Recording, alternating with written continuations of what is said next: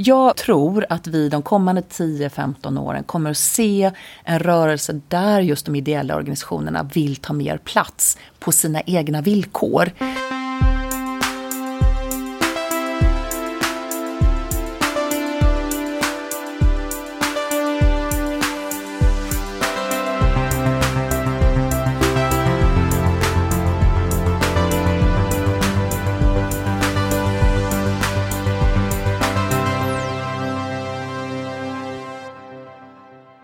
Framtiden tillbaks uh, med Christian von Essen. Idag är jag på uh, vad heter det? Copper Building. vid ett stenkast från Centralstationen i Stockholm. Sitter med Charlotte Ryd, uh, generalsekreterare för Giva Sverige. Det stämmer, precis. Och vi har ju precis flyttat in i den här byggnaden så det känns lite märkligt att välkomna dig till Copper Building. Men det är, vi sitter här och eh, arbetar med givande och insamling av gåvor och bidrag till ideella organisationer. Vi är en branschorganisation.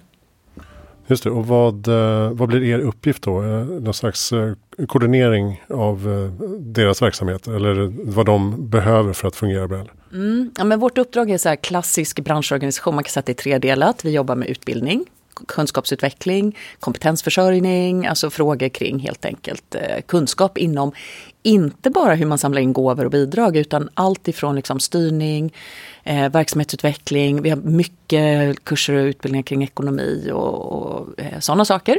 Sen jobbar vi med kvalitetssäkring som är en av våra viktiga punkter. Vi har en kvalitetskod som omfattar etik, ekonomi, effektrapportering och internkontroll och styrning. Och det tredje benet är branschfrågor, vilket är allt ifrån eh, politiska frågor, alltså kring eh, kan vara incitament för givande eller skattefrågor, momsfrågor och sånt där. Till frågor som rör eh, insamling på Facebook eller hur ska man göra i olika sammanhang, olika leverantörer. Så, här, så det är ganska typisk branschorganisation. Hur många medlemmar? Vi har 160 organisationer idag. Eh, tillsammans samlar de in, eller samlade in 2019 lite drygt 9 miljarder. Och eh, det är de välkända stora är medlemmar. Röda Korset, Rädda Barnen, Unicef, Cancerfonden och så vidare. Men sen har vi faktiskt en majoritet av våra medlemmar som är små organisationer. Eller medlemsorganisationer som kanske i huvudsak egentligen finansierar sig på andra sätt än genom gåvor och bidrag. Och eh, anledningen till att vi sitter här just idag, eh, idag är det ju Cyber Monday skulle jag säga. Efter då Black Friday. Och imorgon, eller nu när det här släpps, det här avsnittet, så är det alltså Giving Tuesday. Jag hade nog inte hört talas om det, den företeelsen tidigare. Vad är Giving Tuesday? Mm. Giving Tuesday är en global folkrörelse med just syftet att visa omtanke och medmänsklighet genom givande. Givande då i bred bemärkelse. Det kan handla om gåvor, men det kan också handla om att eh, ge av sin tid. Det kan handla om att ge saker. Det kan handla om att ge blod. Alltså lite grann att faktiskt manifestera en dag som en slags reaktion också mot de här shopping och konsumtionsdagarna. Att faktiskt eh, omtanke om varandra. Vi vet ju att än så länge är det inte jättemånga i Sverige. Det kanske är någon 8-10 procent som säger att de vet vad det är för någonting. Men vi kämpar på här för att eh, se till att det blir en, en välkänd och mer eh, kan man säga, utnyttjad dag för människors eh, givande. Hur startade det från början? Då? Det, det är liksom sju år gammalt, eller åtta år gammalt. Mm. Det började ett initiativ i USA 2012 mellan Eh, motsvarigheten till FN-förbundet i USA och en annan organisation där man började diskutera kring hur kan man liksom skapa just en motreaktion till den här konsumtionen. Och då ska man kanske tänka också att i USA så är ju, nu har ju Black Friday blivit större och nu är det inte bara Black Friday, det är Black Week och liksom så. Eh, men man såg ju att inför den, om man säger den kristna julen så, så är det klart att man ändå har gett och haft någon slags givartradition. Men man ville liksom manifestera det på mycket bredare front. Så då gick man samman och sen så har man haft hjälp av olika finansiärer i USA också, bland annat Bill och Melinda Gates Foundation och så. Så det här är ju liksom ett initiativ som, vi pratar om det som en gräsrotsrörelse. Och vi finns här i Sverige för att bara hjälpa till. Det är inte så att vi har någon mandat på så här får man göra eller inte göra, det här ska man göra. Utan det här är liksom ett initiativ som ska på något sätt uppmuntra människor att ja, men, gör vad du vill. Sätt loggan, använd Giving Tuesday, hashtagga. Här är fritt fram. Och det vi ska göra det är bara att se till att vi sprider så mycket kunskap som möjligt om det. Så du som lyssnar, du får gärna liksom hitta på vad som helst, gör någonting. Eh, ja, ring någon bara. Speciellt nu i coronatider tänker jag. Eh, det kan vara sådana här små saker, alltså ringa någon man inte pratat med på länge. Det är också ett sätt att visa liksom, omtanke och givmildhet fast av sina, sin tid. Liksom. Mm. Jag tänkte just komma till det. Har, det här, har inställningen till hela projektet förändrats någonting under just 2020 som är speciellt? Um, det är ju svårt att säga då eftersom vi står här dagen innan. Jo men vad vi kan se, och det beror väl på att det också har pågått några år här nu i Sverige, men vi ser ett större intresse från företag att vara delaktiga. Eh, och det är väl att man både ser det som en möjlighet att faktiskt ja, men, få sina medarbetare att, att göra någonting kanske tillsammans eller för andra. Det är ju lite så här, det sprider sig ju, om än långsamt men ändå. Och, och någonstans inbillar jag mig i alla fall att på grund av coronapandemin så blir ju helt plötsligt omtanken om andra så viktig och så central. Och det är väl därför jag själv tycker att Giving Tuesday som tanke är så bra för att det handlar inte bara om att ge pengar, även om det självklart är jättebra och jätteviktigt.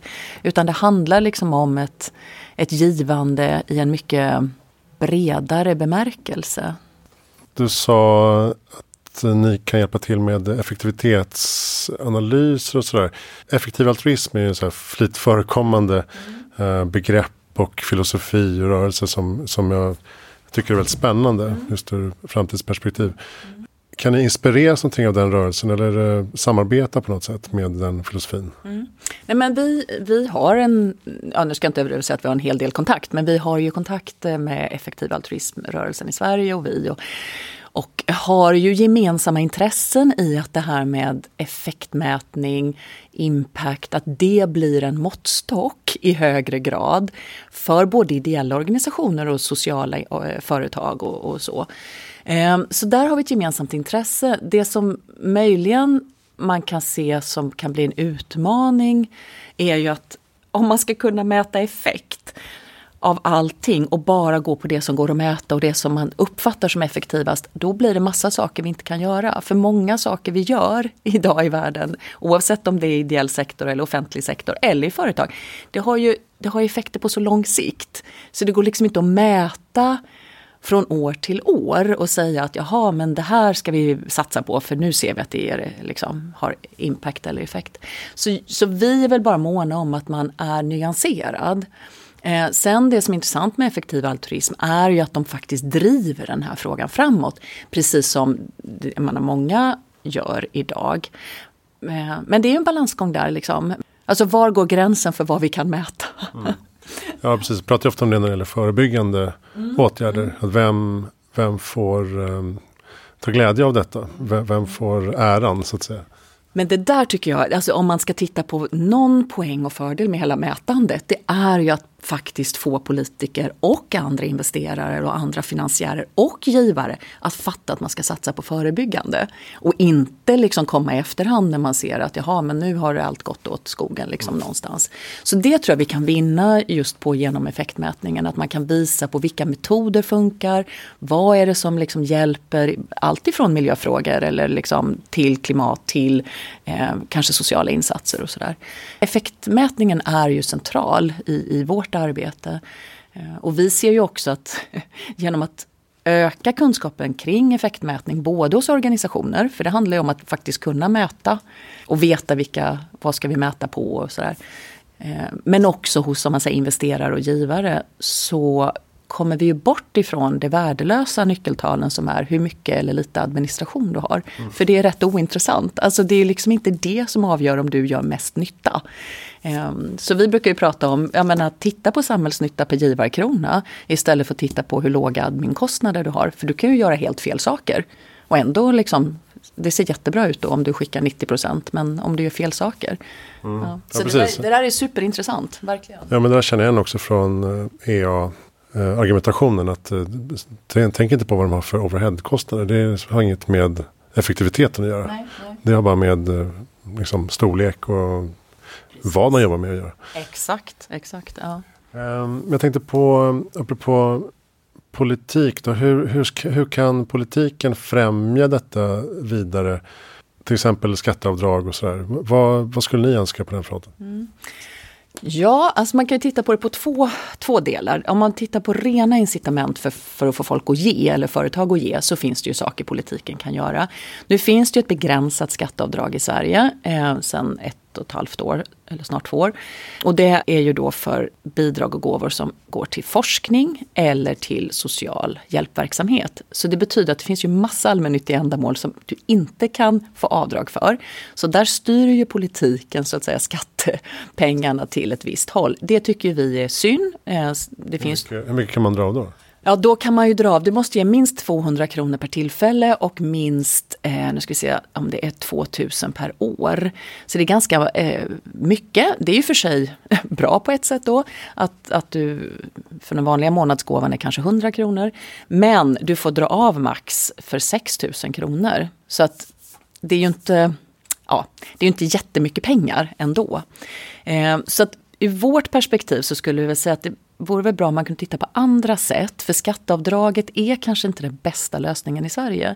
Vi har tagit fram ett, ett ett första förslag kring eh, matchning av gåvor istället. Det vill säga att istället för att man gör ett skatteavdrag som matchar staten så ska man ändå satsa pengar till exempel nu i, i följden av coronapandemin på vissa eh, ändamål därför att vi vet till exempel eh, psykiska hälsan eh, går ner eller psykiska ohälsan ökar. Eh, nu pratar man också om det här att man kommer inte röra på sig tillräckligt mycket. Vi kommer få utmaningar kring jag menar, folkhälsan i stort.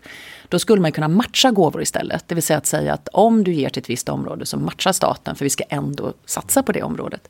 Det är en sån sak. Och sen skulle vi gärna också se någon form av incitament för företag att vara med och bidra. För det finns i princip inte idag. Mm, in, inte brett i alla fall. Um, och här skulle man ju koppla det till Agenda 2030, att vi vill se samarbete mellan näringsliv och, och ideell sektor och, liksom att, och offentlig sektor och jobba med det liksom lite strategiskt. Det, det vore otroligt mycket värt i Sverige.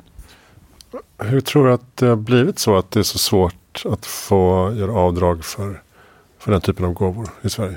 Men vi har ju haft och har ju ett välfärdssamhälle som bygger på att vi betalar skatt och sen så hanterar vi det genom liksom, eh, välfärdssystemet. Och det är ju i grunden positivt för det skapar ju ett mer jämlikt samhälle och en, en större möjlighet för oss att eh, och för politikerna att gå in liksom där det behövs. Och vi, alltså den här solidariska finansieringen är ju en grundbult. Och då är det klart att det finns och har ännu mer funnits en känsla av att givandet handlar om välgörenhet. Alltså det är lite det här 50-tals eller ännu bättre eh, längre tillbaka 1800-tal att tanter och, eller kvinnor framförallt då liksom, och rika människor skulle ge till, till de fattiga. Eh, och det vill vi ju inte ha, det är ju absolut inte det vi pratar om utan vi pratar ju om givandet som ett sätt att engagera sig. Eh, för vissa av oss är det ju så här, man kanske inte vill bli medlem, man är inte, har inte tid att vara volontär, men man brinner för en fråga och är beredd att ge. Och att, att komma bort ifrån den här välgörenhetsstämpeln har varit lite svårt i Sverige. Så jag tror att mycket av det handlar om att gåvogivandet är så starkt förknippat för stora delar av det politiska etablissemanget, men också delar av civilsamhället, är det förknippat med liksom, den negativa begreppet, uppfattningen kring välgörenhet. Mm. Så vi har ju liksom en, jag ska inte säga vi har en uppförsbacke, men vi har liksom, här handlar det lite om att prata om det. Vi är, alltså vi står strax inför 2021. Vi pratar ju om, det är ett helt annat samhälle idag. Oavsett vad vi tycker om det så är det ett annat, eh, jag menar bara digitaliseringen de sista 15 åren. Alltså det går ju liksom inte att jämföra med 1950. Eh, och vi kanske ska snarare titta på hur ska vi akta oss för så att vi inte hamnar i någon slags ny typ av välgörenhet? Ja, men det handlar om att vi faktiskt har starka ideella organisationer som kan driva sin verksamhet med en blandad finansiering som inte bara bygger på liksom, offentliga bidrag och stöd. Vi har nog en liten resa att göra där men det finns en historisk koppling till varför det är så svårt. Mm. Ja, för nu ser man väl att, tycker jag att uh, filantroperna som vill de satsar istället på socialt entreprenörskap kanske eh, snarare än de traditionella givarorganisationerna. Ja. Och det blir ju, är ju eh, delvis ett problem kan man säga för den ideella sektorn. För den stora utmaningen för ideella organisationer det är ju riskkapital. Det finns ju inte. Alltså, nästan alla pengar som kommer är ju på något sätt antingen öronmärkta för att det ska vara till vissa projekt eller det ska vara för vissa typer av ändamål och sådär. Så den typen av riskkapital som man är beredd att gå in med just inom eh, socialt företagande det, det skulle behövas i den här sektorn. Så vi behöver liksom skaka om, tror jag, både oss själva och prata om det vi gör på ett annat sätt. Ehm, och att eh, faktiskt öka kunskapen liksom ute i i samhället ja, i övrigt. Ja, du menar för att det skulle vara svårt för mig som givare om jag ger 200 spänn i månaden. Då vill inte jag att Röda Korset ska lite coola balla projekt någonstans för att testa. Nej. Utan då vill jag att det ska gå direkt till den som behöver det. Mm. Och då kommer vi tillbaka till den här frågan om effektmätning. Mm. För det är ju verkligen det då att, att någonstans så finns det ju lite grann, alltså så fort vi pratar om det i företagsvärlden, då är det okej okay med risk. Medan så fort vi kommer in i vår sektor så vågar man ju knappt tala om här att nej men det blev inte riktigt som vi hade tänkt för då är det som att vi har misslyckats. Men hela poängen med effektmätning och hela poängen med att driva verksamhet är ju att prova skruva i det, se till att det blir bättre. Ja, men ingen kan ju göra allting rätt från början. Och här eh, kan det ju finnas, eller här finns det ju en skillnad mellan liksom hur, hur man ser på vår sektor och företagssektorn. Så där skulle det ju verkligen behövas eh, en större kunskap kanske mellan sektorerna också, men också en vilja och våga.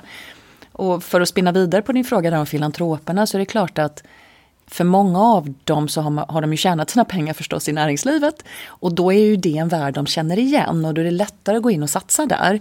För det är ju så att om man använder begreppet affären i en ideell organisation ser ju annorlunda ut. Det är andra drivkrafter, det är andra former utav genomförande och sådär. Men det är ju inte så att det inte är möjligt för någon med mycket kapital att faktiskt gå in där och se att det här ger ju just då avkastning i form av impact och effekter. Ja, det finns redan uppbyggd organisation och struktur mm. för allt. Mm. Jag tänkte på, jo du, du nämnde förut eh, Facebook-funktionen för, för givande. Jag tycker den är rätt smidig för att man kan lätt, jag har mitt kort kopplat, jag kan lätt om någon samlar in till psykisk ohälsa eller cancer så kan jag donera 300 spänn och så mår jag lite bättre. Mm. Uh, så, men, donationer som jag kanske inte skulle gjort annars. Mm. Hur ser givarorganisationerna på Facebooks roll där? Tar de en, en del av kakan eller går allt oavkortat? Mm. Nej, men man kan säga fördelen med Facebooks eh, som plattform då, det är ju att de tar inga avgifter för ideella organisationer. Och det är ju självklart eh, fördelaktigt. För, för normalt sett, de har ju sådana volymer liksom, så att de kan göra det. Eh, annars är det ofta så att en plattform ändå måste ta betalt. Eh, så det är positivt. Ehm, det är också positivt för ett sätt för både organisationerna att nå ut direkt till personer som du och jag. Men också för att det är ett sätt att engagera dig och mig. Jag samlar in liksom, för att jag tycker något är viktigt och går ut till mina vänner och bekanta och sådär. Så det är positivt. Nackdelen för organisationerna det är ju att Facebook har ju rätten till våra personuppgifter. Eh, och då blir det ju så att jag kan ju självklart som när jag ger en gåva på Facebook säga att organisationen får mina personuppgifter, alltså mitt namn och ja, e-post och vad det nu är för någonting. Eh, men det är ganska få som gör det just för att man är så här, nej men jag vill inte ha fler förfrågningar och så. Men för en organisation så är det ju väldigt, det mest kostsamma, det är ju att hitta nya givare. Mm. Så och liksom för alla idag, det spelar ingen roll om det är ett företag eller en ideell organisation, så är ju personuppgifterna, det är ju, det, det är ju guldet. Det är ju det vi alla alla vill ha. Mm. Och det är därför de stora plattformarna ser till att, att ha den, eh, använda den datan. Eh, så det är väl nackdelen, men om man ska se på det stora hela så är ju de här plattformarna, nu är Facebook väldigt stora men ja, men herregud, eh, Instagram, Amazon, alla de här eh, har ju olika former för, för, för givande. Är ju ett sätt att också nå personer som kanske inte i vanliga fall skulle ge en gåva. Så jag tänker, om man kommer tillbaka till Giving Tuesday så är det lite grann att det blir ju också ett sätt i att, att ge lätt är ju det vi behöver. Och, och, om jag aldrig ger annars eller inte tycker att jag vill ge på ett brev och sådär då, då är ju liksom de här plattformarna ett sätt att faktiskt komma i kontakt med givandet som en möjlighet att engagera sig. Så, det, så på det stora hela är det ju positivt, absolut. Hur bra är vi på givande i Sverige då? Ja, men vi är ganska bra. Eh, jag har jobbat jätte, jättelänge med, med fundraising och givande sedan slutet på 90-talet. Nu börjar det väl ändra sig lite men det har, det har ofta varit så här, ja ja men i Sverige vi ger ju inte och, och, just att man inte tycker att vi har den traditionen och så. Fast det har vi ju, vi har ju haft, jag menar, om man tittar ändå med kollekter och vi har gett liksom, även fast vi inte har varit en stor eh, fundraising-nation. Men tittar man och jämför med många andra länder så är vi väldigt generösa i Sverige. Ehm, de här 9,1 miljarderna som våra medlemmar samlar in, där står ju allmänheten för 70 procent. Så att det är ju personer som du och jag som är liksom grunden i finansieringen av, eh, eller den privata finansieringen av civilsamhället. Så jag skulle nog säga att vi är ganska, ganska bra ändå. Det är vi. Visst finns det en del forskning som pekar på just det här med eh, altruism som en, eh, en del av ett lyckligt liv nästan. Mm. Att man faktiskt mår bättre av att ge eh, mm. rent vetenskapligt. Mm. Ja, men det är spännande nu. Det, det har ju kommit mycket forskning eh, de senaste kanske 30 åren och nu börjar det även bli en hel del på svenska svensk data också. Men absolut, forskningen visar ju att göra osjälviska handlingar, oavsett om det är att ge eller hjälpa någon och sådär, gör ju att vi mår bättre. Ehm, så det, det stämmer ju. Och sen finns det ju självklart så att skälen till att man sen ger kan ju vara, drivkrafterna bakom det kan ju vara väldigt olika. Allt ifrån någon form utav att man vill visa upp att man har möjlighet till att man faktiskt verkligen liksom vill bara hjälpa. Eh, och allt däremellan. Så det är sant och det är också kanske någonting vi skulle prata mer om. Eh, det, mm, ja, men det är en intressant fråga, för i grunden visar ju forskningen precis det. Och samtidigt så finns det alltid lite så här, ja ja men Eh, man ger för att man själv ska må bra. Ja, men vad är fel med det då? Alltså någonstans, vi gör väl alltid saker i någon kombination för att det gör att jag mår bra och jag gör någonting för någon annan. Så jag vet liksom inte riktigt vad som skulle vara fel. Jag har aldrig förstått det argumentet riktigt. men det är lite så här, det är som att du vet, nej men jaha, men är du glad? Nej, det får du inte vara för då mår du bra. Alltså lite, mm. alltså varför, så skulle man ju aldrig säga liksom. Så att det, vi kanske behöver prata mer om det också. Det är okej och det är okej att vara snäll och schysst. Ja, om jag får ett leende för att jag gör något fint, mm. då blir jag glad resten av dagen. Ja. Så att säga. Det behöver inte förta eh, själva gåvan. Nej men precis, att det inte förtar handlingen i sig bara för att du blir också glad. Liksom. Nej, nej men den, den där är svår. Eller den är fel. Eller fel. Ja, och, sen, och där också om man återgår till eh, effektiv altruism. Så de är ju noga med att här, du behöver inte åka ner och gräva en brunn. Du kan, du kan, tjäna, du kan vara aktiemäklare, tjäna massa pengar om du bara donera dem istället till mest effektiva rörelserna. Då är det också med och bidrar och du kan känna dig bra. Den är ju jätte, eh, det tycker jag är en av de stora fördelarna med just effektiv altruism. Att man liksom sätter, ehm, eh, sätter efter varje människas, liksom, var gör du mest nytta själv? Och om det är att du faktiskt är jätteduktig på att tjäna pengar eller att du ser till att du har en hyfsad lön och kan liksom bidra, eh, så är det bättre än att du själv ska göra. Och här tror jag att det kanske man skulle behöva prata mer om också. Att hur bidrar jag på mest effektiva sätt? Inte bara att organisationer ska göra mest effektivt. För det finns väl en tendens lite grann idag att alla vill göra själva.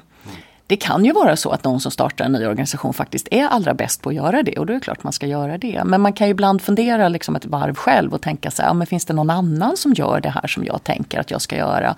Ehm, och hur kan jag i så fall eh, kanalisera mitt liksom, givande, mitt engagemang där? Det finns det också, också exempel på när, när man har tänkt sig, vad behöver de där nere? Och så skickar man saker dit, om det är mat eller skor eller någonting. Och så dödar man lokal ekonomi istället. För att ingen köper lokala skor då plötsligt. Det finns ju till exempel här Give Directly som jag tycker är så spännande. Som ju ger pengar i handen. Alltså det är det de behöver. Fattiga behöver inte liksom sägas vad de ska göra, de behöver pengar. Mm. Den är ju jätteintressant.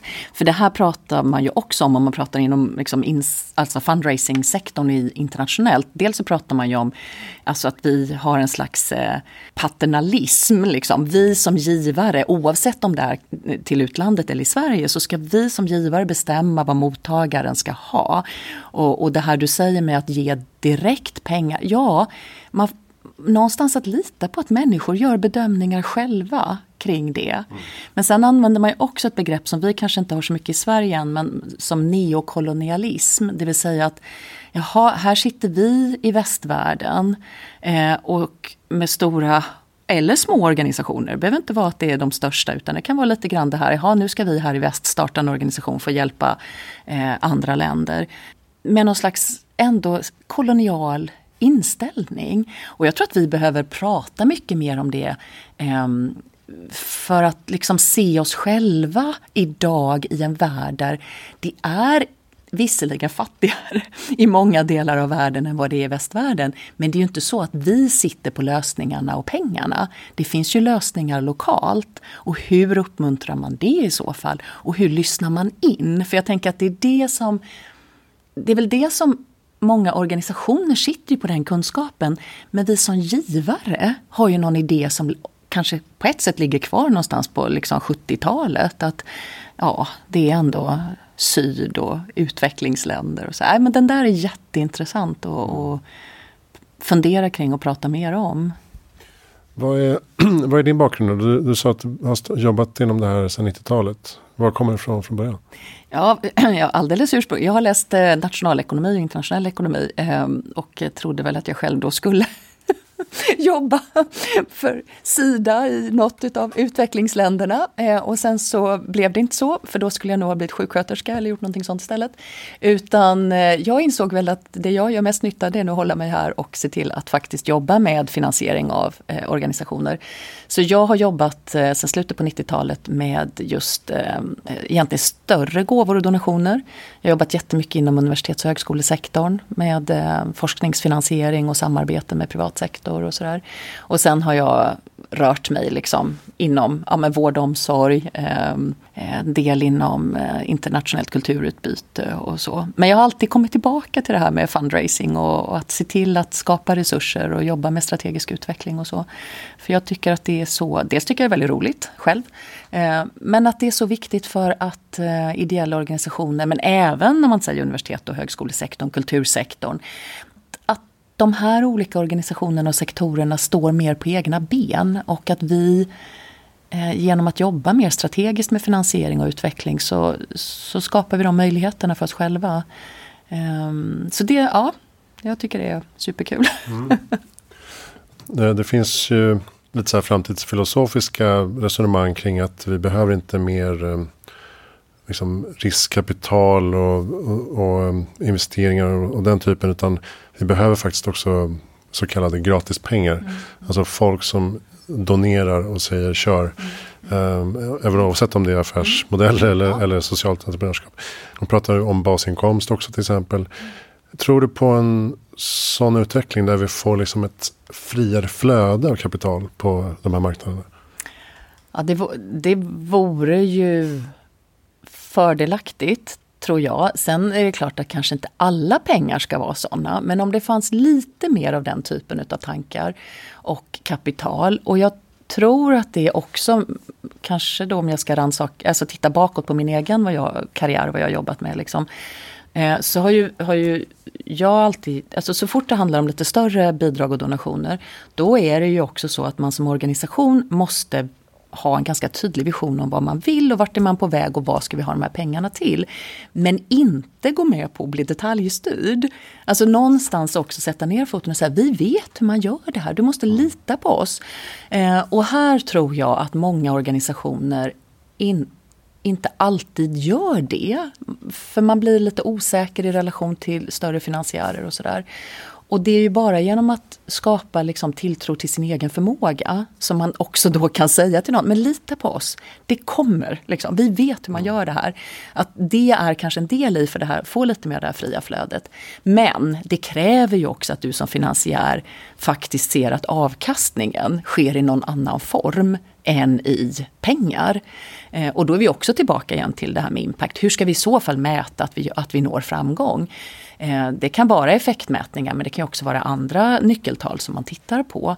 Så här tror jag att vi från båda liksom finansiärshåll och så att säga, mottagarhåll behöver eh, tänka lite större och lite friare. Eh, och inte kanske vara så låsta i om man säger den näringslivsmodellen eller av den klassiska liksom, kapitalmodellen med avkastning på det sättet. Jag får en känsla av att många fastnar i någon slags rapporteringsträsk istället.